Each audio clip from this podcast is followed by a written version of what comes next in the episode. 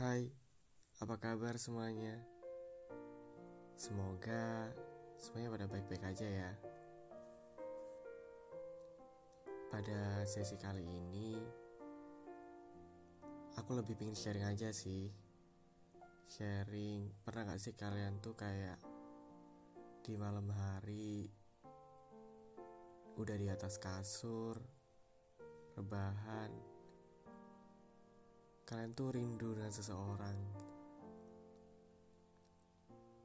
Pada awalnya sih nggak ada kepikiran ingin memikirkannya, tapi waktu udah siap mau tidur, udah ngambil selimut, udah mau meluk guling, eh terbesit satu momen. Akhirnya semua kenangan itu mulai berantakan dan kalian memikirkannya kembali. Awalnya sih kita tuh kayak gak mau memikirkannya lagi kita tuh gak memikirkan dia lagi. Tapi ya karena tiba-tiba aja gitu random kenangan itu momen-momen itu datang lagi. Pernah gak sih kalian tuh kayak berada di fase seperti itu? Ya kita tuh udah putus sama dia kita tuh udah berusaha untuk melupakannya. Dan kita udah berusaha membuka hati untuk orang lain. Dibilang belum move on sih sebenarnya udah move on tapi belum sepenuhnya. Ya memang berat lah untuk move on itu. Kita tuh membutuhkan waktu yang lama dan panjang ya karena meskipun kita pacaran atau PDKT-nya hanya sebulan atau dua bulan, move onnya itu bisa lebih lama daripada waktu kita pacaran. Ya karena apa ya? Selama waktu pacaran tuh udah banyak kenangan, udah banyak waktu yang kita lalui bersama, dan itu pasti bakal membekas seperti itu. Jadi kalau ada orang yang bilang move on itu mudah itu sebenarnya kayak hoax sih kalau menurutku. Baik lagi ke topik tentang masalah rindu. Sebenci-bencinya kita dengan mantan kita Rindu itu pasti akan ada Rindu pasti tetap ada sama dia. Apalagi yang putusnya masih baru-baru nih. Entah baru satu minggu Dua minggu bah. Itu tuh rasa kangennya tuh masih ada Rasa rindunya tuh masih ada. Apalagi Kalau dia upload foto di Instagram Dan masuk ke beranda kita. Jangankan gitu Kita yang udah menye mensenyapkan storynya, mensenyapkan postingannya, pasti tangan tuh kayak gatel aja gitu di pencarian ngetik username-nya gitu.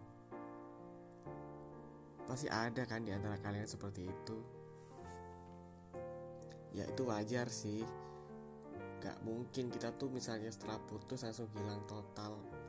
Kita sudah move on, kita sudah intinya kayak tidak memikirkannya lagi itu nggak mungkin.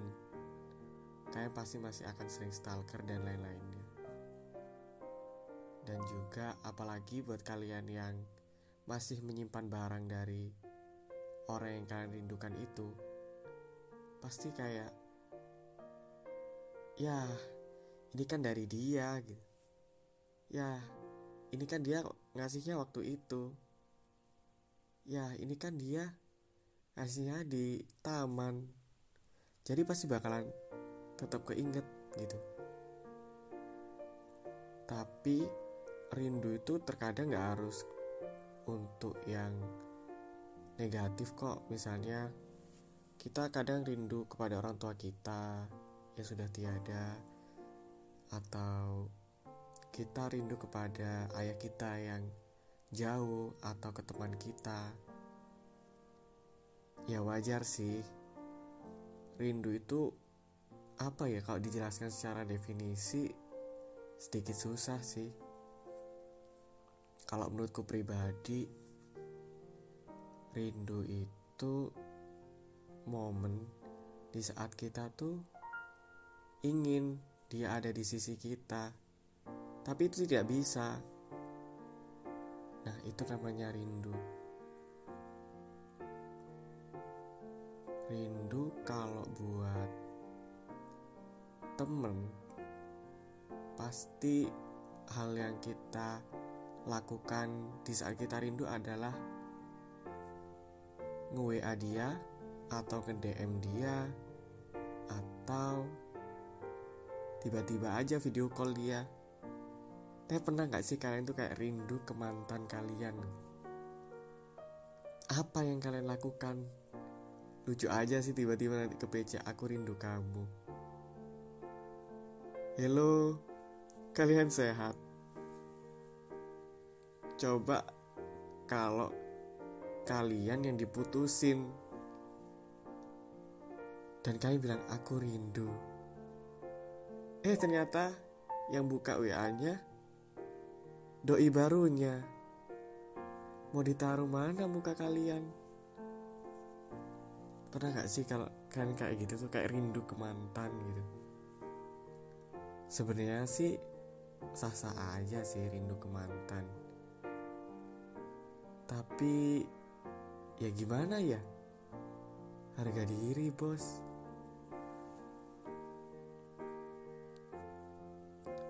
Ya intinya di podcast kali ini tuh aku pengen menekankan aja sih. Rindu ke seseorang itu wajar-wajar aja. Sasa aja kok kalian tuh rindu ke mantan Ke orang tua kalian sudah tiada Ke teman kalian yang jauh Itu sasa aja. Tapi Dampak dari rindu ini apa? Apakah akan berdampak negatif? Apakah berdampak positif?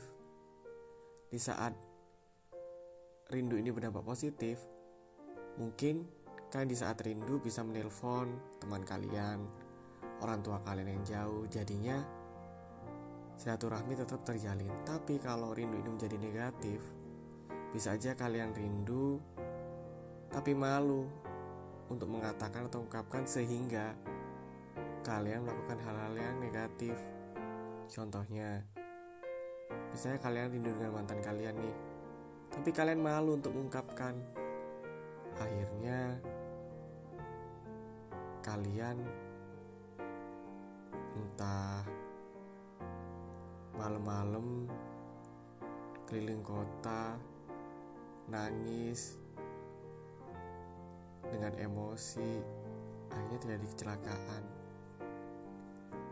jadi pada intinya bagaimana kalian menyikapi rindu itu yang penting